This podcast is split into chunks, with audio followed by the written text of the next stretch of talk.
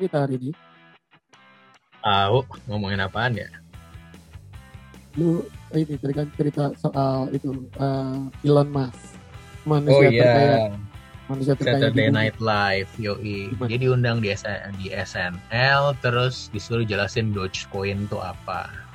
Dijelasin deh tuh digital currency, cryptocurrency, ya pakai bahasa-bahasa ribet lah. Ujung-ujungnya dia puyeng kan. Udah jawab Hmm. aja hustle. Baru deh yang lain ngerti anjir lo kenapa nggak jelasin dari awal gitu loh. Dogecoin itu hustle. Simple kan gitu. Kalau lu ditanya cryptocurrency apa sih ya hustle gitu. Sampingan. Oh, jadi hustle Even- itu definisinya sa- sa- sampingan. Iya, paling Kalau gampang side gitu sih. hustle berarti sampingan yang di samping. Apa gimana? Benar, benar. Kayak side job yang di side gitu. Oh, Sampingannya sampingan.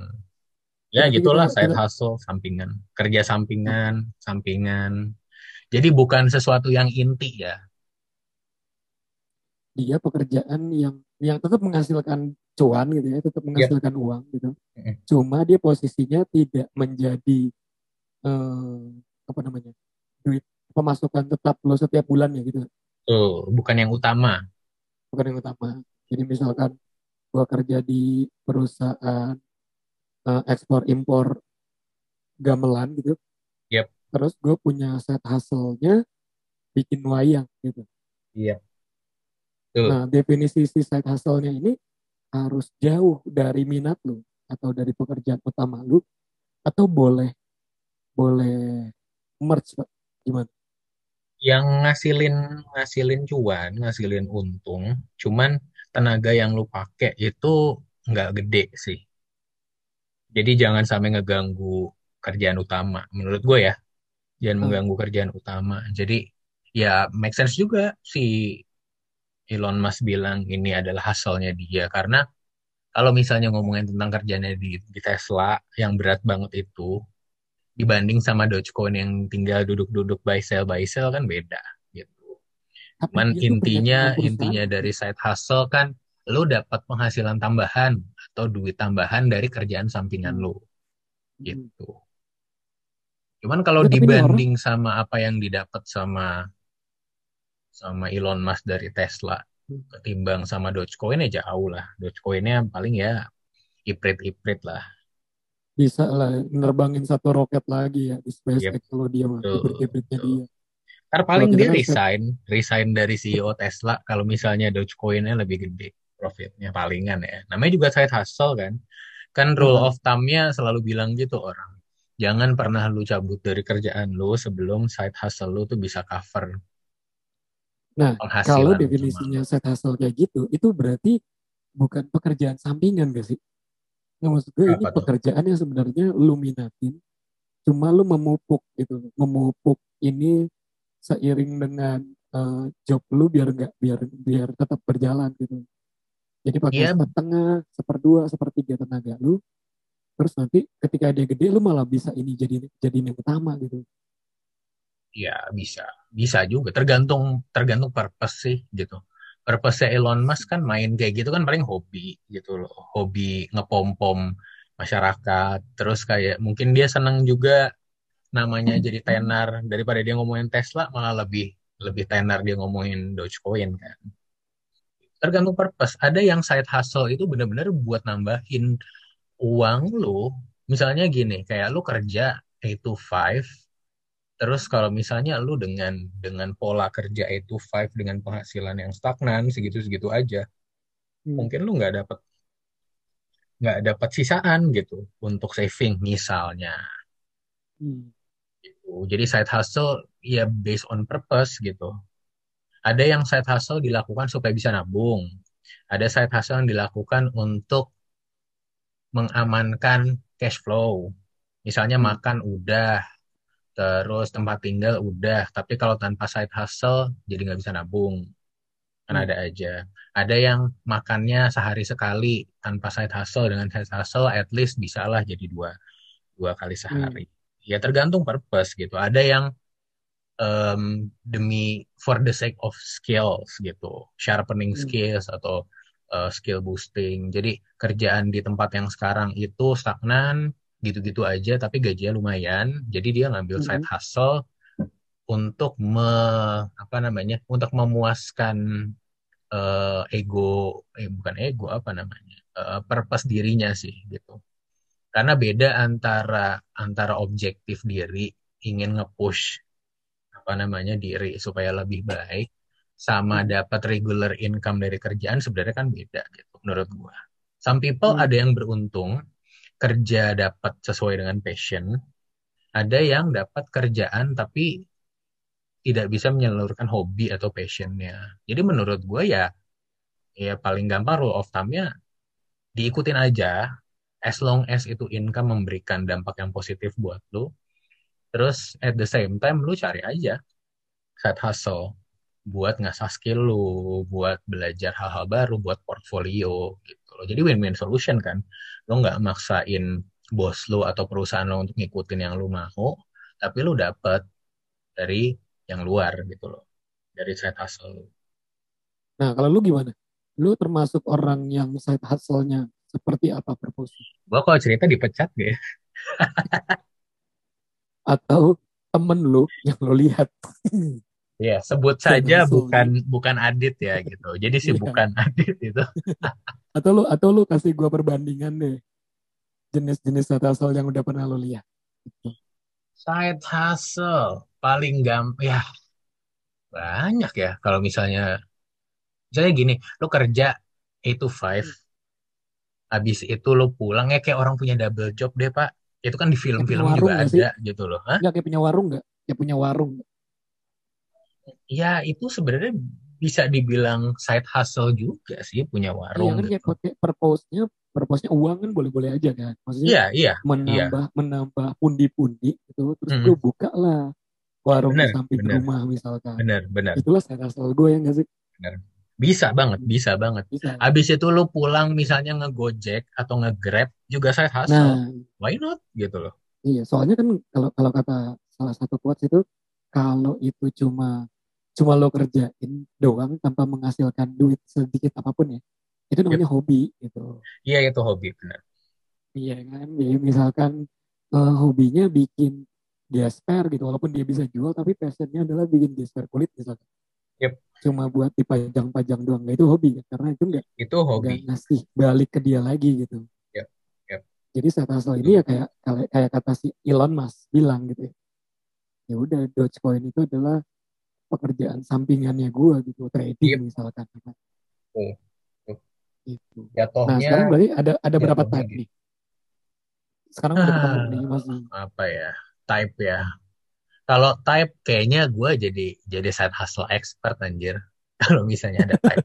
Mungkin gini kali ya. Em, yang pernah gue saksikan gitu. Iya. Yang pernah gue saksikan kan kalau di kantor lama, you know lah gitu.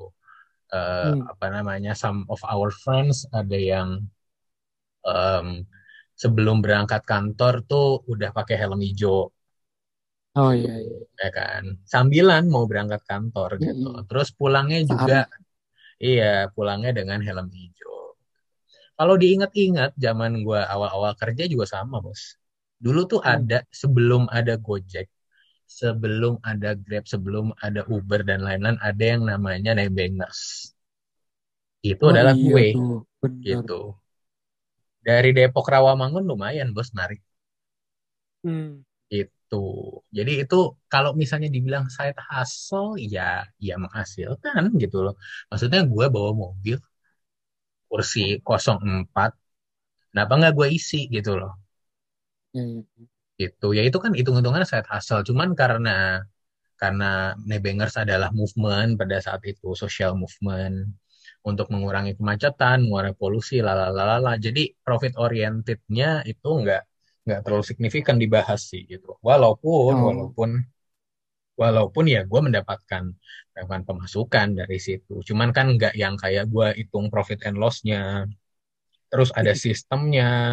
Terus nanti ada pembagian wilayah kayak yang punya Grab Gojek sekarang kan kayaknya systemized banget gitu loh. Kayak memang dibuat untuk bisnis.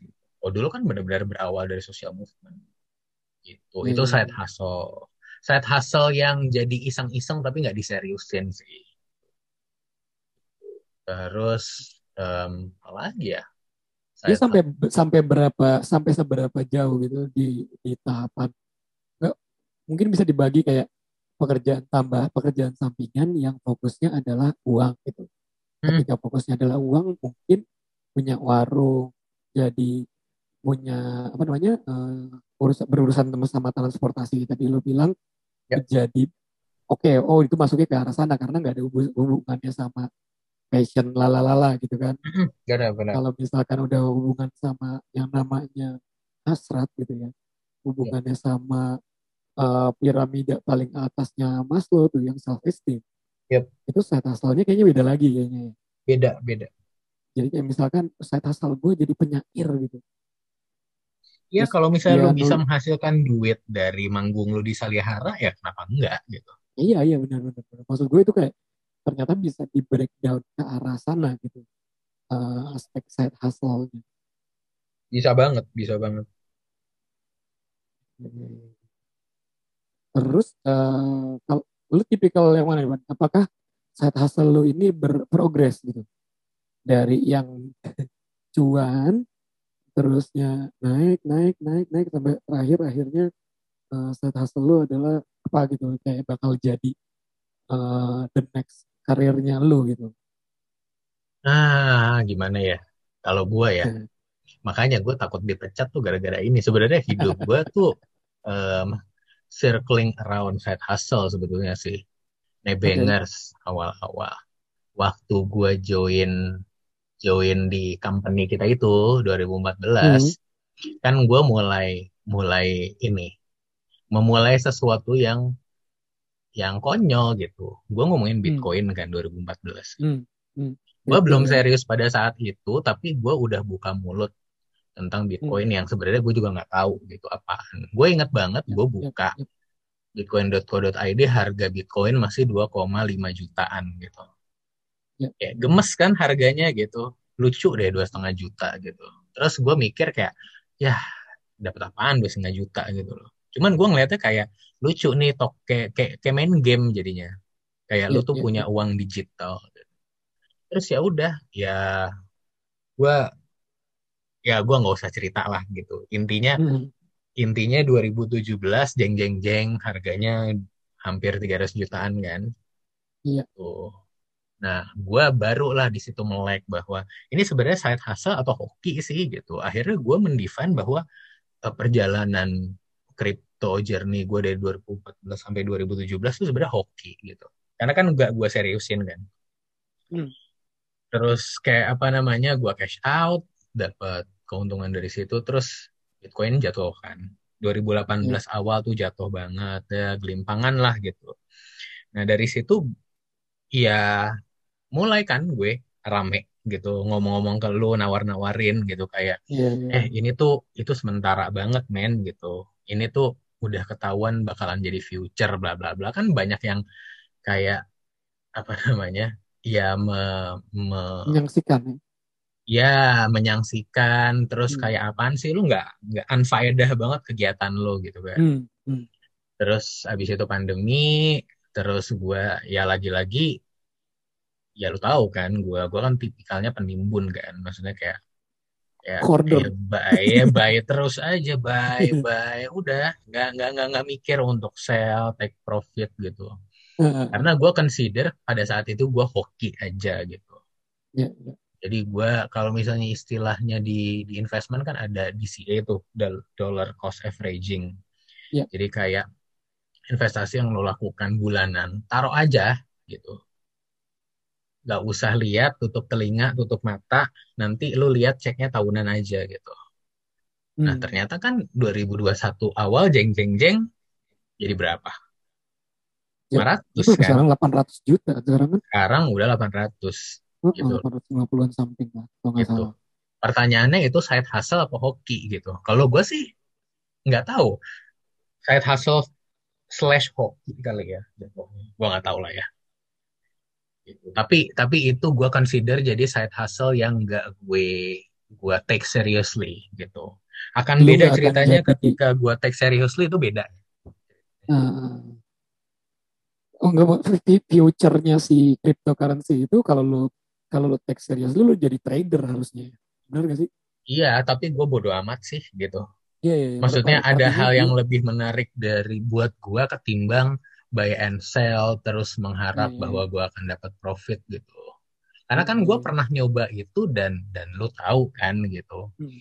eh, how stressful it is gitu loh. It was Mm-mm. dan dan gue nggak nyaman gitu loh. Gue nggak nyaman as a day trader gitulah yang kayak ya bangun dini hari terus masang alarm, masang sinyal-sinyal untuk bisa buy atau sell. Gue sih dengan DCA itu jadi gampang hidup gue gitu loh. Gue hanya Hmm. percaya bahwa tiga tiga koin utama itu kayak ibaratnya kalau misalnya gue ngelihat salah satu akun IG ya, akun IG yang buat gue jadi panduan, itu dia selalu bilang bahwa lihat fundamentalnya terus lihat aplikasinya gitu. Kan ada yang namanya em, altcoin kan. Ya. Koin yang dibilang selain Bitcoin adalah altcoin gitu. Selalu ngomong kayak ini adalah shitcoin gitu. Ya benar gitu loh. Shitcoin yang benar-benar kayak eh, aplikasinya apa di kehidupan nyata nggak ada.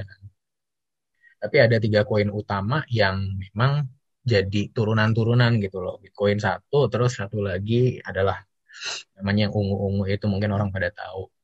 Yang apa namanya koin-koin lain itu dibangun di atas teknologinya punya si ungu ini. Gitu. Iya. Dialah dialah yang pem- pemilik ya. Pemilik Ya, lahannya. iya kayak gitu. Ya udah lu taruh situ aja sahabat sih gitu. Iya, iya.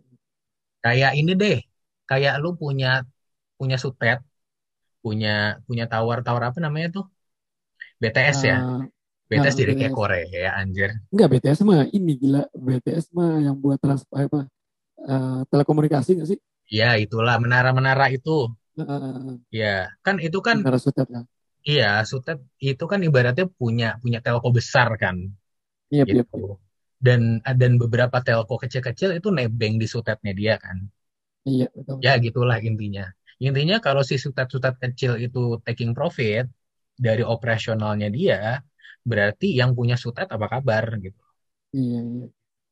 Gitu. Jadi jadi gue bukan saran ya, tapi kalau misalnya ditanya kalau lu main kripto apa ya gue beli yang punya Sutet gitu. Bukan yang nyewa. Udahlah jangan Yang kripto mulu, gue takutnya disamperin orang. yang punya Sutet sama yang paling terkenal. Nah, itu berarti Iya, itu berarti side hustle lo ya. Itu ya dibilang side, side hustle hoki sih jatuhnya kayaknya hoki 60%, side hustle 40% sih. Di- lu hoki dulu terus lu baru memiliki dedikasi untuk menjadikan itu Ya, sebagai pekerjaan. Itu ya iya. kali ya. Maksudnya itu Hoki lebih- dulu, hoki Ah, dulu. hoki dulu Jadi baru kalau misalnya sampingan ah gitu.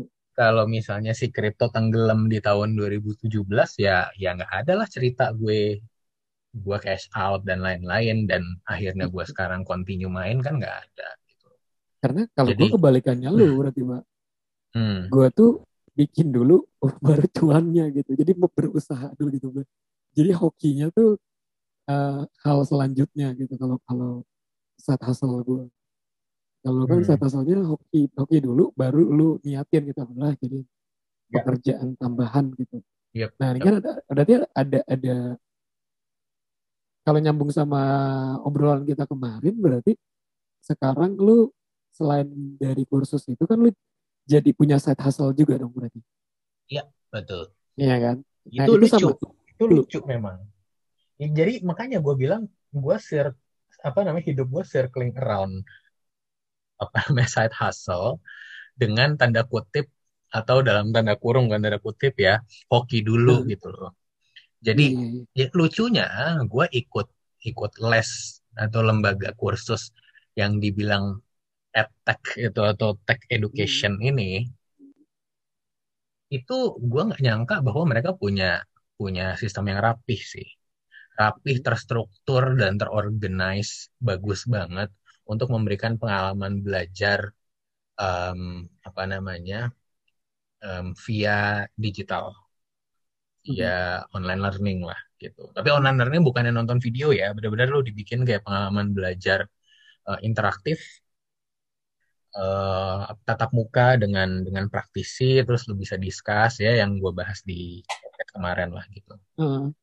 Nah, ternyata ternyata di situ dibukalah lowongan untuk menjadi tim lead Hmm. tim lead atau istilahnya gue bilangnya sih kayak wali kelas ya jadi Hmm. kayak anak-anak yang sudah lulus dari program mereka misalnya kayak gue batch 5 gitu gue lulus dari batch 5 terus dibuka nih batch 6 itu di, ditawarkan untuk bisa jadi tim lead atau jadi kasuh lah gitu kalau bahasa Hmm. bahasa apa namanya Tarnus kali ya Iya, iya. bahasa polisinya kasuh lah kakak asuh gitu Kakak asuh ya. jadi ya jadi ada kak- kakak asuhnya untuk menghandle 10 sampai 15 eh, student baru ya udah ya gue ambil lah sekarang kenapa gue langsung automatically ambil walaupun gini penawaran itu berlaku untuk student yang udah lulus dengan catatan ini seleksi gitu. Bisa kepilih bisa enggak. Oke. tapi begitu ditawarin gue langsung mau gitu loh. Langsung masuk seleksinya dan dan apa namanya bersyukurnya sih diterima gitu. Dianggap bahwa gue adalah salah satu kakak asuh yang eligible lah buat handle batch 6 itu terima kasih kepada program yang membuat gue IQ-nya naik dikit lah waktu itu ya ada ada bright side-nya lah gue ikut program mahal itu kan Iya, Jadi iya. kayak ya at least walaupun gue belum kayak lo yang yang zen vibe ya kalau ketemu orang, tapi at least kepake lah gitu. Ya udah. Iya, iya.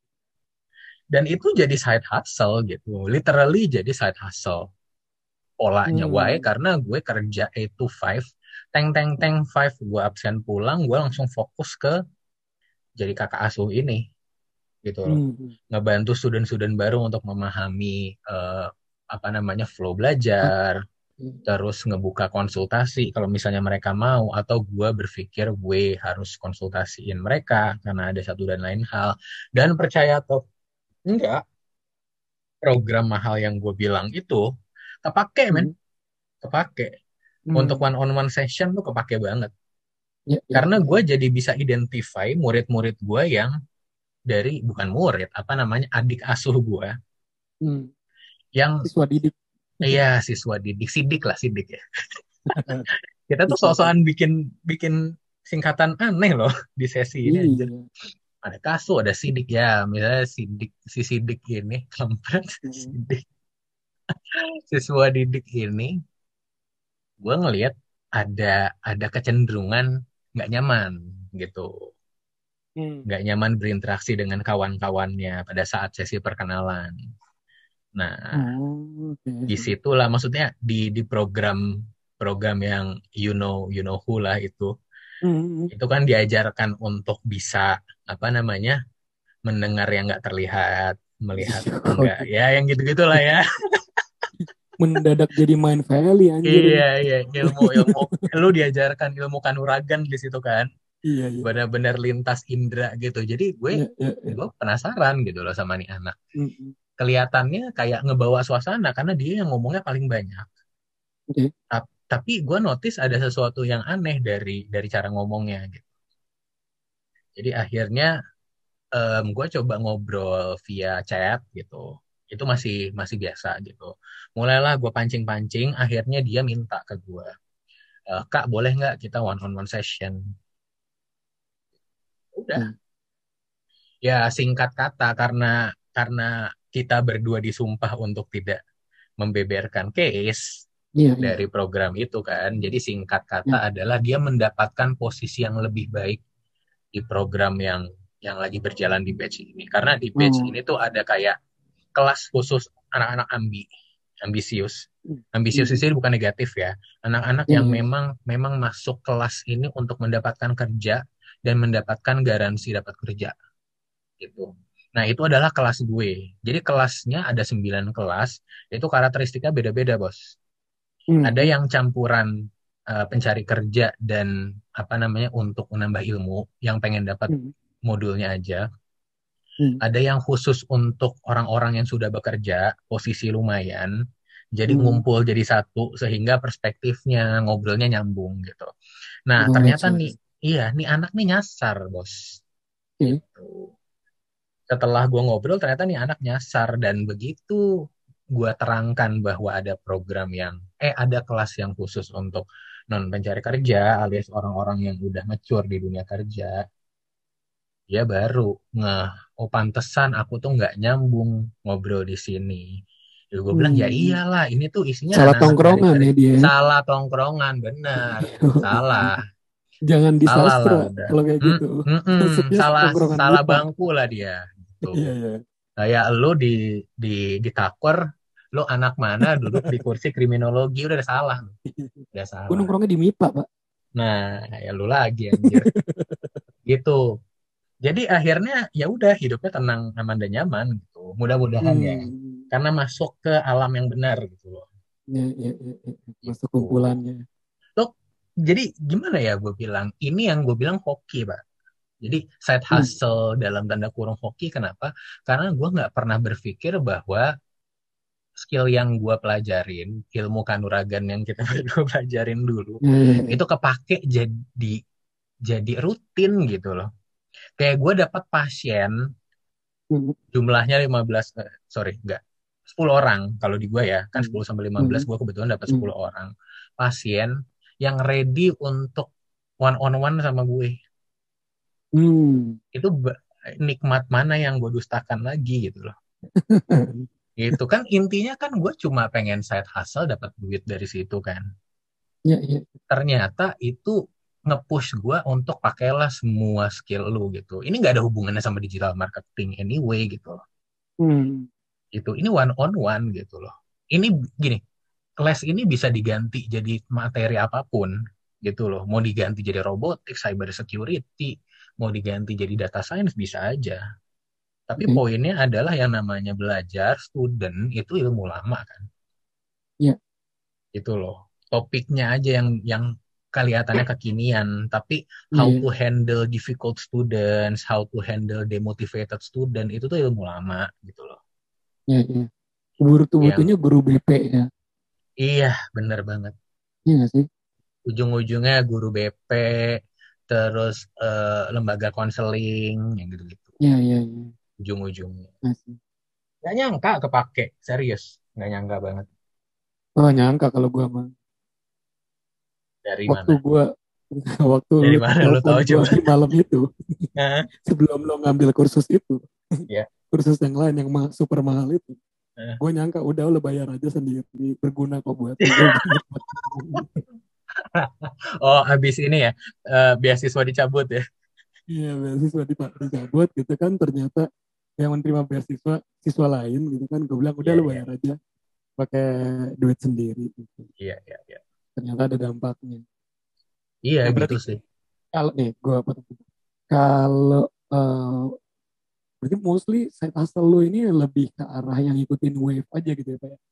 ngikutin flow-nya aja gitu. Ya di mana hoki berasal sih. Eh di mana Lalu- hoki timbul di situ gua nongol gitu di situ gua hadir. Gua tuh hoki Hmm. dulu gitu. Karena kan balik lagi lu tahu gua adalah orang yang very skeptical. Dan money oriented kan. Di Hmm. awal di awal gitu. Jadi Hmm. gue ditawarin eh mau nggak lu jadi tim lead? Atau dalam dalam tanda kutip jadi bukan dalam tanda kurung jadi kakak asuh lah. Ya Hmm. mau lah. Karena gue nanya dulu dibayar nggak? Dibayar. Berapa? Sekian. Hmm. lumayan lah. Gitu. Gue sehari paling kepakainya buat jadi em, kakak asuh ini kan paling jam 7 sampai jam 9 dua Hmm. jam pak dua gue cuma invest dua jam per hari kali kali 20 hari lah terus dapat angka yang lumayan menurut gue kayak not bad lah gitu buat nambah-nambah beli koin mah lumayan Iya, iya. Ini karena uh, approach lu tuh ber- berbeda sih. Itu berbeda gaya ke ke dalam alasan set hustle gitu. Kalau lu kan Hmm. hoki dulu baru jadi gitu kan set Yep. hustle-nya kan. Yep, yep. Nah kalau gue dicari dulu baru ntar ada hokinya. ya ya ya, ya. Ya. nangkep Nah, nangkep ya balik lagi ke nature sih maksudnya kan kalau lu kan memang kayak kayak hunter slash dragon slayer gitu kan Iya. kayak yang Hmm. emang berburu gitu loh berburu sesuatu ya gimana caranya lu bisa tahu ada buruan kalau lu jalan dari gua aja belum gitu Beratnya ya. Hmm. Kalau gue kan nunggu bintang jatuh dulu, baru gue samperin itu tadi jatuhnya ke mana ya? Gitu kalau loh. kalau kalau gue ngelihat lu tuh kayak mencium bau aromanya dulu nih ada binatang nih yang Nah, bener. pincang gitu kan. Baru lu keluar lah bawa tombak, panah, batu dan segala macem gitu. Tuh, gue tuh harus harus yakin dulu kalau di situ, certain dulu bahwa di situ ada gitu loh, baru gue samperin ya. gitu. Kalau lu kan yang penting kaki melangkah dulu, ya iya, iya. ya beda kan gitu, beda-beda angle aja, ujung-ujungnya pasti buruan dapat gitu. Cuman yang lu lakukan adalah lu jalan dulu, which is nggak ada yang salah dengan itu. Dan gue berarti menunggu kecium dulu baru gue jalan. Kan Hmm. masing-masing ada advantage sama disadvantage ya kan yang pasti. Cuman Iya, iya. poin utamanya adalah sama-sama dapat buruan itu sih.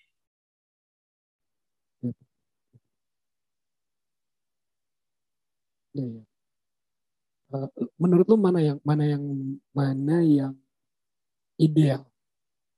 Kalau lu kalau kita nih dilepasin nah, Hmm. tadi kan itu karakteristiknya lu gitu ya. Yep. Terus gue dengan karakteristiknya gue.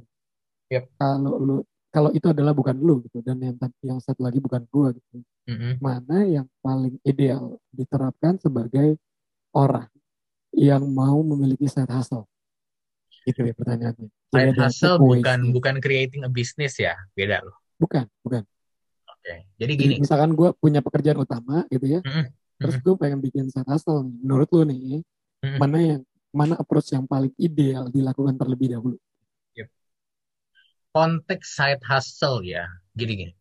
Em, jadi jangan dibawa ke urusan jadi creating your own business atau Oh, jadi enggak, kayak creating a profitable business jangan, tapi memulai side hustle berarti ya konteksnya. ya. Memulai aja. Ya. Memulai side hustle lu harus yang pertama ya tahu bahwa itu satu ya profitable dulu. Karena Oke. ujung-ujungnya namanya side hustle menurut gua ya, menurut gua Hmm, pribadi gitu. Yang namanya side hustle dengan tujuan hobi tanpa menghasilkan apa-apa, ya nggak usah disebut side hustle gitu loh. Sebut Hmm, aja hobi, hobi it's okay Oke. gitu loh. Itu ya. Jadi money oriented nomor satu. Terus yang kedua, carilah sesuatu yang udah proven. Kenapa? Karena lu tuh pengen dapat bagian dari kue yang besar gitu.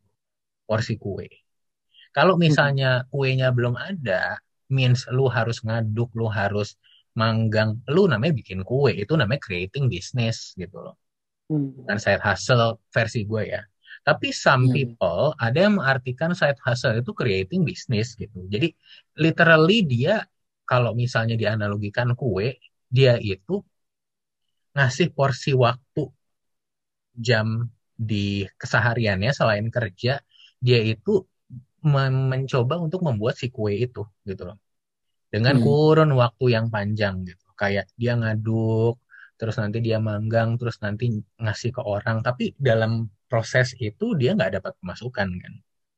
Nah, itu yang itu yang kalau gue ngeliat di internet lah banyak dia mau Hmm. di Instagram, dia mau di Twitter, Hmm, side hmm. hustle tipikal itu gitu. Nah, kalau approach lu berarti ber- berbeda dari itu ya. Jadi nggak ngomongin uh, tentang memulai bisnisnya gitu. Tapi memiliki side hustle dulu yang punya punya profit duluan gitu, punya cuan Yep. duluan.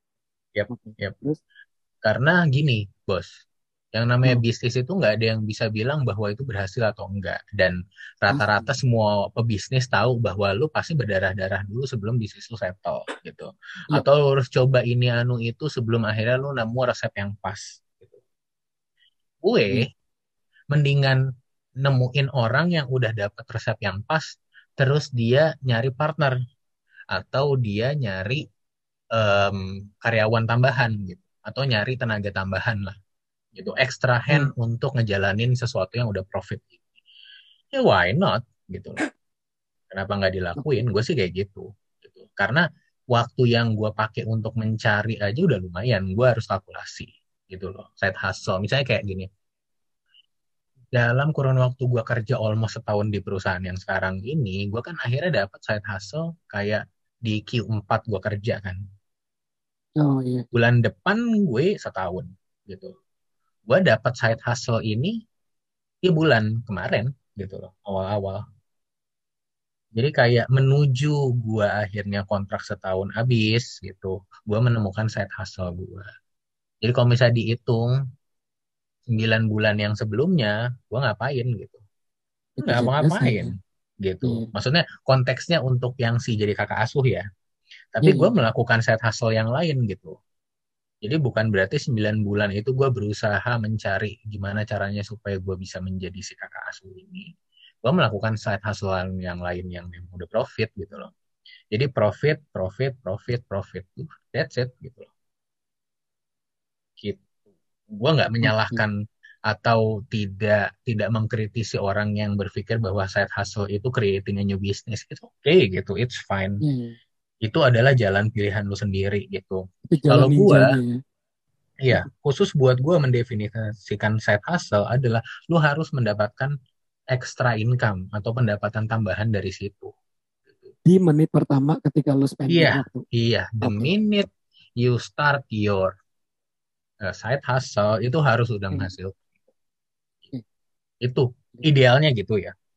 Hmm. Idealnya. But again, gue bilang, gue kan dibilang side hustle dalam kurung hoki kan. Gue hmm. harus make sure dulu itu memang menghasilkan baru gue terjun. Itu aja sih seberapa seberapa jauh pak si side hustle-nya ini uh, walaupun gue tahu ya cuma gue terpaksa menanyakan ini hmm. uh, seberapa jauh pekerjaan yang lo pilih sebagai pekerjaan tambahan ini tidak mengganggu fokus lo di pekerjaan utama lo atau di income utama lo gitu sampingan kali maksud lo bukan tambahan iya iya maksudnya samping ya, ya benar pekerjaan yeah. sampingan ini tidak mengganggu yang utamanya gitu ya yeah, iya yeah. Soalnya kalau tambahan Tapi, jadinya kayak supplemental gitu loh, supplementary. Ya, ya, ya kan.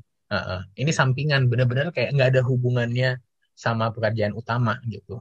Ya, Kenapa ya. gue bisa ngatur? Karena bener-bener gue pisahin di di di kepala gue. Jadi nggak ada cerita itu ada intersection di antara kedua itu. Jadi hmm, jadi lu 8 sampai jadi, 5 hmm. itu pekerjaan utama, jam 5 teng teng teng teng langsung absen pulang. Absen absen kelar kerja jam 7 hmm. mulai. Berarti kan ada jeda berapa? Ke jam 7 dari jam 5 dua jam. Dua jam. Nah di situlah hmm. gue clear clear up my mind gitu loh hmm. gue bersihin konteks kerjaan maksudnya kalau misalnya gue masih ada utang-utang di kerjaan utama gue alokasikan untuk besok gitu. Jadi clear semuanya, gue bisa memulai untuk kerjaan side hustle gue yang mulai jam 7 gitu loh. Jadi hmm. sejam sejam satu setengah jam dari jam 5 itu gue ngatur-ngatur dulu rapi buat menu berikutnya untuk pekerjaan utama. Habis itu gue continue untuk side hustle gitu. Paling Berarti gampang gini deh, lu pakai hmm. lu pakai seragam yang beda aja, rasanya udah beda. Nah, maksud gue pekerjaan ini lu make sure dulu ini nggak akan ada sama-samanya sama pekerjaan dengan pekerjaan utama lu. Begitu gak sih? Sama sih, mungkin aja sama. Kenapa enggak gitu? Oke. Okay. Bisa nah, jadi. Gitu. Maksud gue ketika, ketika lu ketika lu sama, hmm. tahu dari mana ini tidak akan mencampuri gitu. Gue nggak ngomong nggak ngomong duitnya dulu ya. Duitnya hmm. pasti beda jauh gitu. Yep, Tapi yep. tahu dari mana lu bisa menempatkan yang ini sampingannya, ini utamanya. Tapi di luar dari duit ya, Pak gitu. dari dari Karena jamnya gue punya pertanyaan sih. lain soalnya nanti. Hmm, hmm. Kalau gue sih ngeliat dari jamnya aja sih paling gampang. Oh, gue ngeliat jam 8 sampai jam 5 waktunya pekerjaan utama. Okay. Udah. Begitu mulai tank jam 7 berarti udah side hustle. Jam 7 sampai jam okay. 9 side hustle. Ya udah tinggal dari mana gue tahu ya tinggal dilihat jamnya. Oh udah jam 7 nih berarti saatnya side hustle. Simpel itu. Nah, karena soalnya kenapa gue bertanya kayak gini, mungkin nanti ada yang dengar karena gue hmm. banyak banyak dipaparkan oleh uh, orang yang bilangnya ini adalah pekerjaan sampingan, tapi sebenarnya yang dia kerjakan adalah masuk ke dalam waktu pekerjaan utamanya dia, itu. Hmm. Ya, ya. Yang akhirnya, kalau gue ngeliat nih Pak, ya. gue ngambil contohnya lu deh. Yang akhirnya orang yang tidak seperti itu, walaupun itu pilihan orang ya, yep. enggak jadi apa-apa di keduanya Pak ya ya nangkap nangkap itu bos nangkap, nangkap kan lo jadi kalau lu di pekerjaan utama lu lu jadi megang tiga lapak di tiga negara gitu yep, yep. terus di side hustle lu lu bisa ngebawa 15 10 sampai 15 orang uh, siswa didik gitu kan artinya yep. lu lu achieve gitu kan yep, yep. nah soalnya gue ngelihat hal yang yang contrary yang terjadi gitu jadi anggaplah hmm. lu ya di lu ulangi lu juga hmm. jam 2 nya udah ngambil satu hustle gitu jam 3 nya udah ngambil satu hustle padahal di jam 3 itu lu sebenarnya belum pulang gitu bos yep, yep. Gitu. Oke, menarik, menarik pertanyaannya. Sebenarnya jawabannya gampang sih.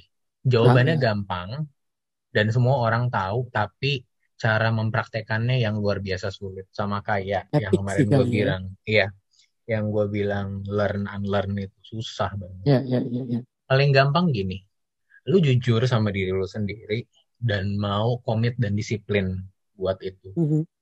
itu aja sih ngebangun habit memang susah gitu. jadi ada masa ketika gue tapi ini bukan saya sekarang ya gue membiasakannya ya. membiasakan ini jauh-jauh jauh-jauh apa namanya jauh-jauh waktu gitu.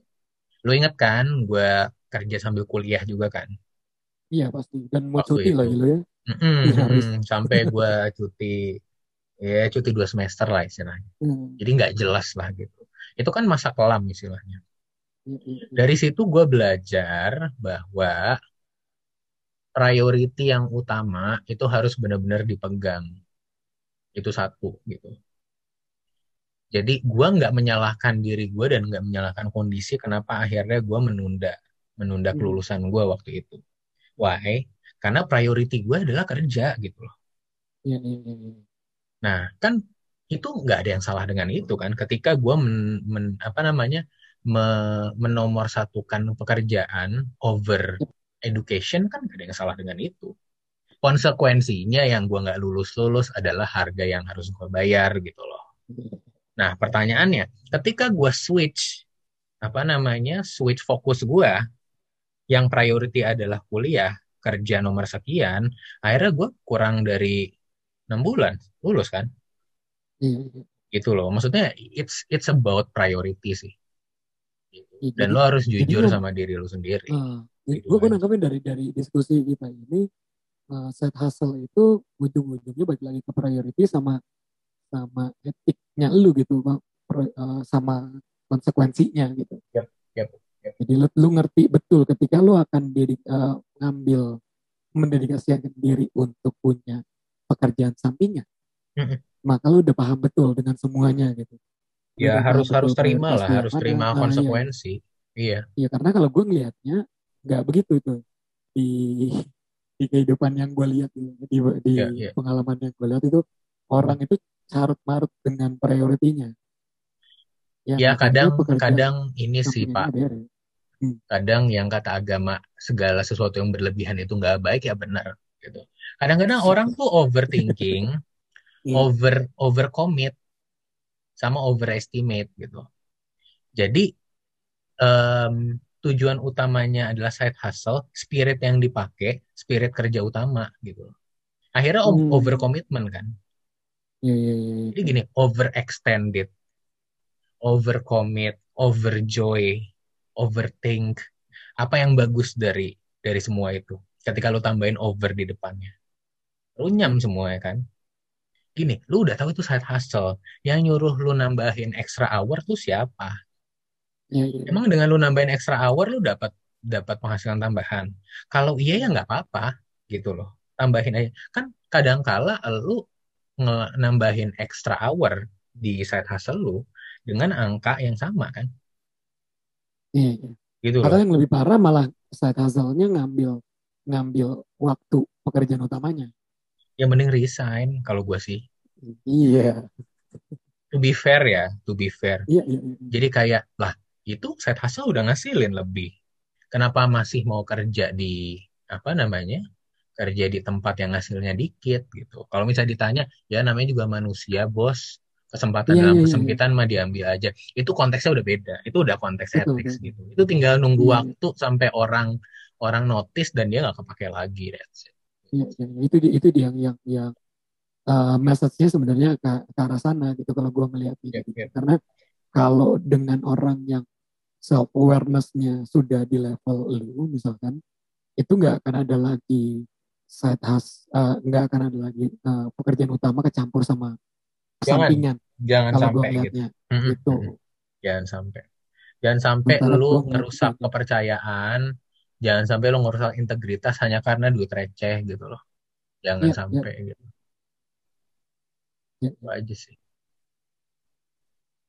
oke jadi ke sana ya jadi jadi ke etik ya kalau gue lihatnya soalnya gue banyak Ya. banget sih ngelihat ngelihat hal itu jadi ngakunya itu pekerjaan sampingan cuma karena lagi cuannya lagi banyak gitu ya Ya, dia ambil extra hours extra hours kan kita nggak ngomong cuma lu bikin malam tidur lu kan Yap, tapi yap. bisa aja di waktu lu yang harusnya udah belum pulang jam 5 lu bisa cabut jam 3 gitu itu pun Ya, extra ya. hours kan Mhm, buat mhm. ngerjain satu hal lu uang ya gue gue itu. mencoba untuk nggak nggak ke sana sih karena Iya, gini iya, iya. rasanya rasanya lu ke gap ya ke gap nyolong nyolong kecil kecil gitu sama aja kayak lu nerobos lampu merah terus ditilang Iya, iya, tau kan foto ya. muka muka orang kalau misalnya ditanya, kan bapak tahu itu lampu merah kenapa nerobos? Lo tau kan looknya kayak gimana mukanya paling Iya. cengengesan kan.